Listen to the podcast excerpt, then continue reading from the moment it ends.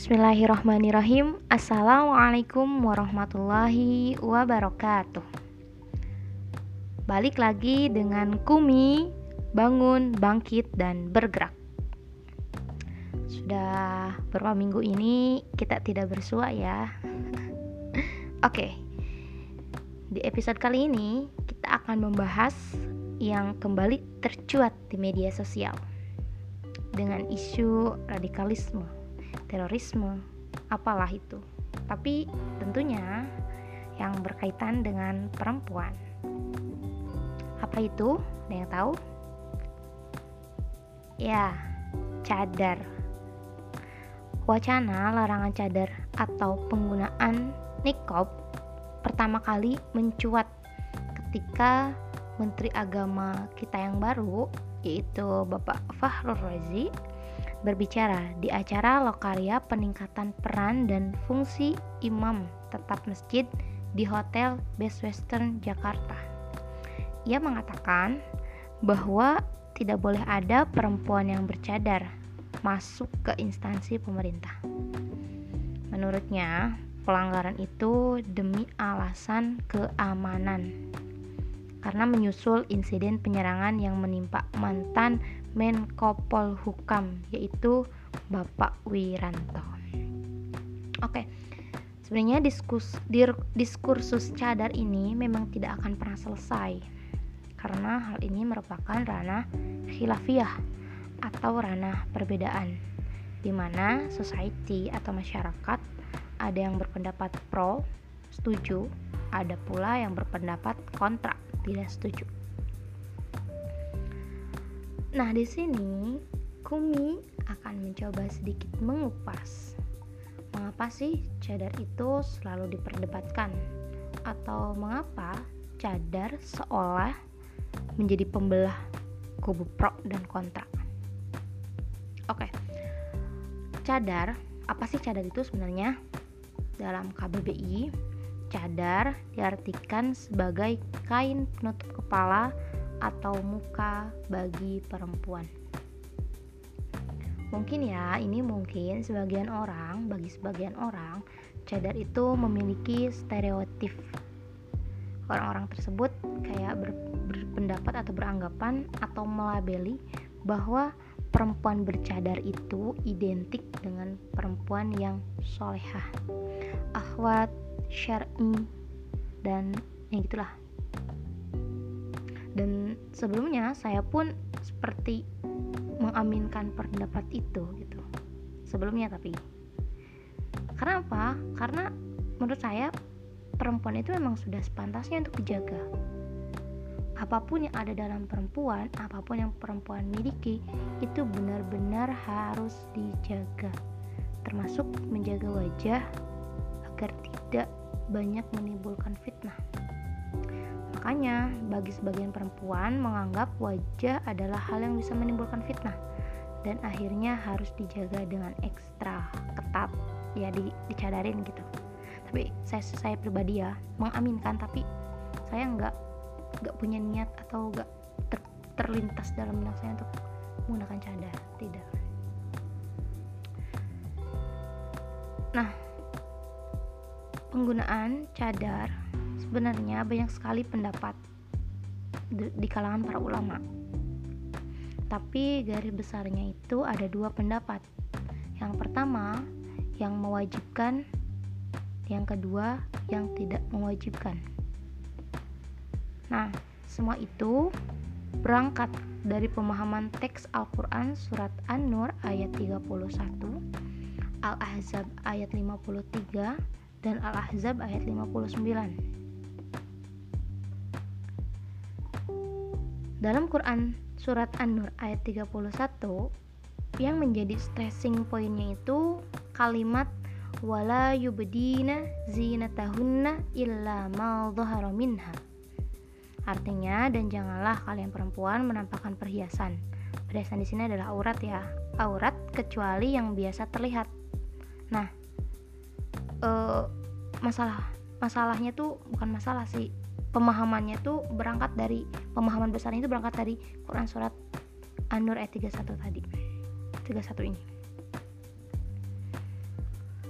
orang yang mewajibkan atau mewajibkan bercadar itu menguatkan dalil tersebut Quran surat tersebut dengan dengan Quran surat Al-Ahzab ayat 53 dan 59. Dalam ayat 53 disebutkan bahwa ada penggalan ayatnya gitu. Apa artinya? Apabila kalian meminta sesuatu atau ada keperluan terhadap istri-istri Nabi, maka mintalah di belakang tabir. Nah, tabir di sini dipahami sebagai penutup dan adapun kata di belakang tabir itu otomatis istri Nabi tidak terlihat sosoknya. Jangankan wajahnya, sosoknya saja tidak tahu seperti apa. Itu kan kayak gitu. Nah, saya itu diperkuat lagi dengan Al-Ahzab ayat 59 dengan kalimat yudinina alaihinna min jalabibihinna. Para sebagian mufasir memahami jalabibihinna tersebut adalah jilbab dan jilbab diartikan sejenis baju kurung yang lapang yang dapat menutup kepala, wajah, dan dada. Nah, mereka berpendapat ini pendapat pertama yang mewajibkan yang mengharuskan bahwa perempuan itu harus bercadar. Karena apa? Karena emang dalam uh, teksnya kayak gitu. Pemahaman teksnya seperti itu. Menutup seluruh menutup kepala, wajah, dan dada. Seperti itu. Kemudian Sedangkan para ulama yang tidak mewajibkan cadar ada yang berpendapat bahwa pemahaman ayat-ayat tersebut itu ayat Al-Ahzab 53 dan 59 tersebut hanya berlaku untuk istri-istri Nabi saja. Kan di sana disebutkan uh, ayat sebelumnya itu, kalimat sebelumnya itu istri-istri Nabi. Nah, mereka memahami bahwa ini tuh untuk istri Nabi aja gitu tidak untuk semua perempuan muslimah. Perempuan mukmin enggak. Nah ada juga yang memahami bahwa Quran surat An-Nur 31 tersebut itu dijelaskan oleh hadis yang diriwayatkan oleh Asma bahwa dalam hadis tersebut Nabi mengisyaratkan aurat perempuan itu seluruh tubuh kecuali wajah dan di telapak tangan. Jadi waktu itu Asma bertanya pada Nabi, aurat perempuan itu apa saja sih sebenarnya? Lalu Nabi isyarat, mengisyaratkan gitu berisyarat. Isyaratnya menunjukkan ke wajah dan telapak tangan. Nah, seperti itu. Nah, jadi ada dua pendapat ya, yang mewajibkan dan yang tidak mewajibkan. Sedangkan mayoritas ulama bersepakat bahwa cadar itu hukumnya mubah atau boleh-boleh saja. Jadi orang yang namanya boleh itu dikerjakan tidak apa-apa, tidak dikerjakan pun tidak mengapa. Begitu kan? Nah, pendapat ini juga diperkuat mayoritas ulama juga termasuk pada Maliki Hanafi. Nah, Maliki dan Hanafi berpendapat bahwa aurat itu seluruh tubuh ya aurat perempuan itu seluruh tubuh kecuali muka dan telapak tangan.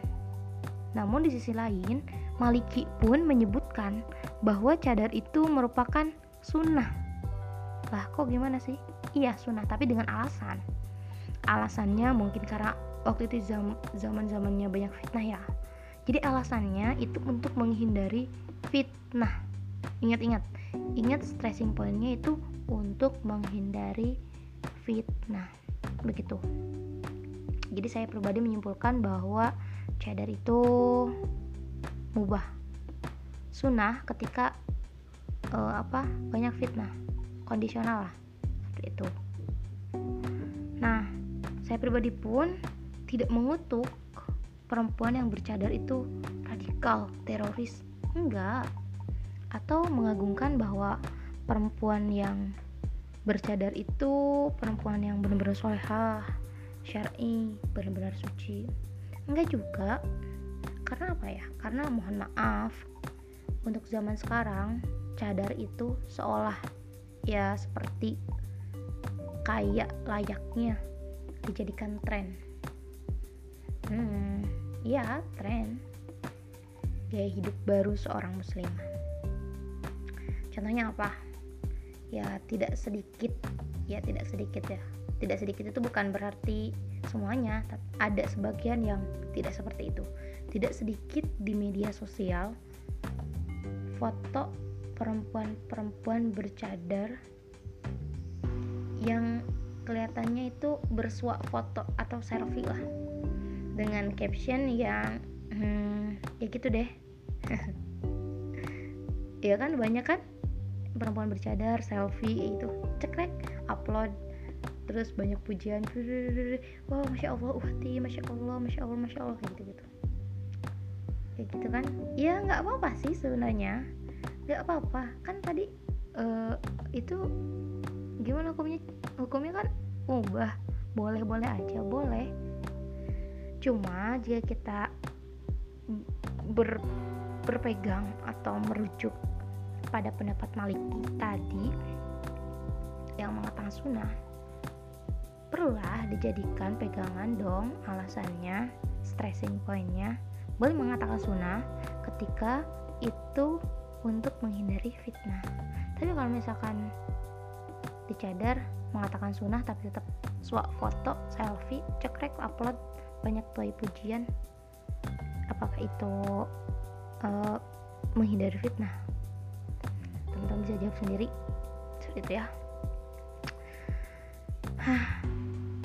Oke, itu aja mungkin pendapat dari saya. Seperti biasa, kalau misalkan ada yang silang pendapat atau uh, pendapat saya kurang sangat jauh dari sempurna atau salah benar-benar salah besar, itu boleh kita sharing, kita diskusi. Di deskripsi nanti saya akan sertakan email saya. Terima kasih atas perhatiannya. Tetap semangat menjalani harinya karena sekarang adalah musim hujan ya. Tetap jaga kesehatan. Oke terima kasih. Balik lagi. Terima kasih. Assalamualaikum warahmatullahi wabarakatuh